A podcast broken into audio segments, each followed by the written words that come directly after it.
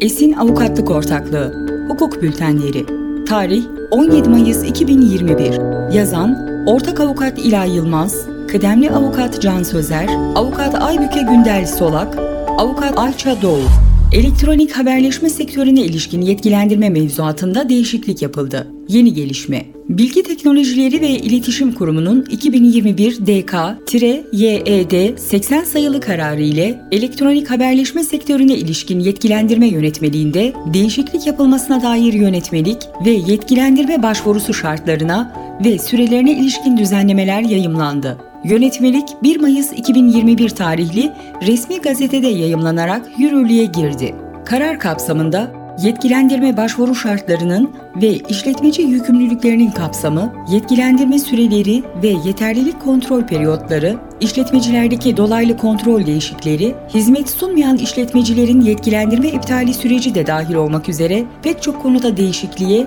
ve yeniliğe gidildi. BTK karar kapsamında yönetmelik değişikliğine ek olarak elektronik haberleşme sektöründe yetkilendirmeye ilişkin olarak aşağıdaki belgeleri yayımladı.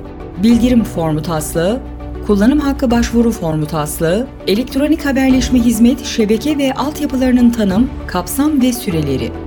Ne değişecek? Yetkilendirme başvuru şartları. Yetkilendirme başvurusunda bulunacak şirketin 1. Hisselerinden en az %10'una sahip gerçek kişi ortaklar.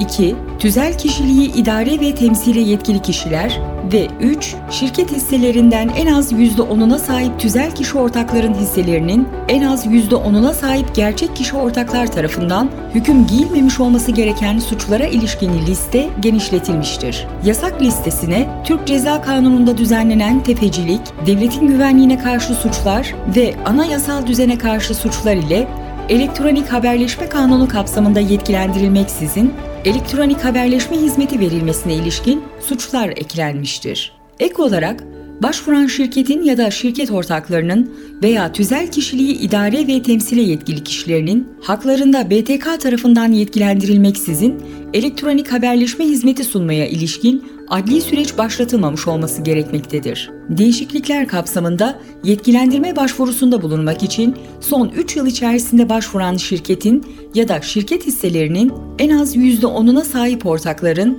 yönetim kurulu üyelerinin veya tüzel kişiliği idareye yetkili kişiler tarafından kurulmuş şirketlerin mevzuata aykırılıktan dolayı yetkilendirmesinin iptal edilmemiş olması ve herhangi bir zamanda mevzuata aykırılıktan dolayı yetkilendirmesi iptal edilmiş şirkete ilişkin ilgili fesih, iptal sebeplerinin ortadan kalkmış bulunması gerekmektedir.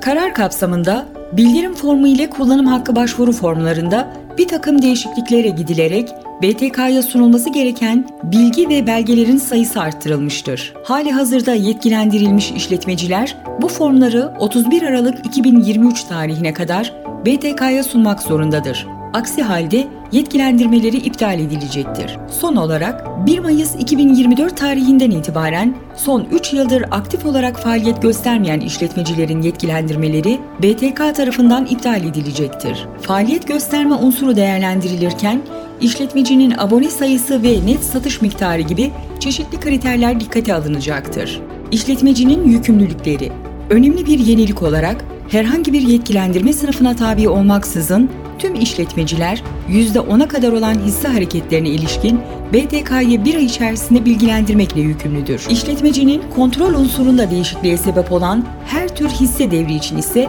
BTK'nın izni aranmaktadır. Bu kapsamda işletmecide kontrol değişikliğine sebep olmayacak dolaylı hisse hareketlerinin bildirimi zorunlu değildir. Yapılan değişiklik uyarınca mevzuata aykırılık nedeniyle yetkilendirme iptali işleminin işletmecinin abonelerini mağdur edecek olması halinde BTK iptal kararının uygulanmasını 3 aya kadar erteleyebilecektir. İlaveten idari ücretin ve kullanım hakkı ücretinin ödenmesiyle acentelik ile diğer iş modelleri gibi konularda da yenilikler getirilmiştir. Yetkilendirme, yenileme süreleri ve yeterlilik kontrollerine ilişkin düzenlemeler. Önemli bir yenilik olarak bildirim ve sayısı sınırlandırılmayan kullanım hakkı kapsamında yetkilendirilen işletmeciler bakımından elektronik haberleşme hizmet, şebeke ve altyapılarının tanım, kapsam ve sürelerine ilişkin belge içeriğinde bir takım düzenlemeler yapılarak yetkilendirme ve yenileme süreleri ile yetkilendirme yeterlik kontrollerine ilişkin düzenlemeler ve farklı eşikler getirilmiştir. Bildirim kapsamında yetkilendirilmiş işletmeciler için belirli yeterli kontrol periyotları, sayısı sınırlandırılmayan kullanım hakkı kapsamında yetkilendirilen işletmeciler için ise belirli yetkilendirme yenileme süreleri öngörülmüştür. Herhangi bir yenileme süresi veya kontrol periyoduna ilişkin kriterleri sağlayamayan işletmecilerin yetkilendirmeleri iptal edilecektir. Söz konusu kriterler aşağıdaki gibidir. Belirlenen personel sayısı ve niteliklerinin sağlanması, belirlenen abone sayısı veya net satış performansının sağlanması, hizmetlerin aktif şekilde sunulması, yetkilendirme mevzuatının ilgili maddelerinin mükerrer şekilde ihlal edilmemiş olması, hali hazırda yalnızca bildirim kapsamında yetkilendirilmiş işletmecilerin ilk yetkilendirme yeterli kontrol periyodu başlangıcı 31 Aralık 2023 olarak belirlenmiştir. Hali hazırda sayısı sınırlandırılmayan, kullanım hakkı yetkilendirilmesine sahip olan işletmecilerin Yetkilendirme sürelerinin sona erme tarihi ise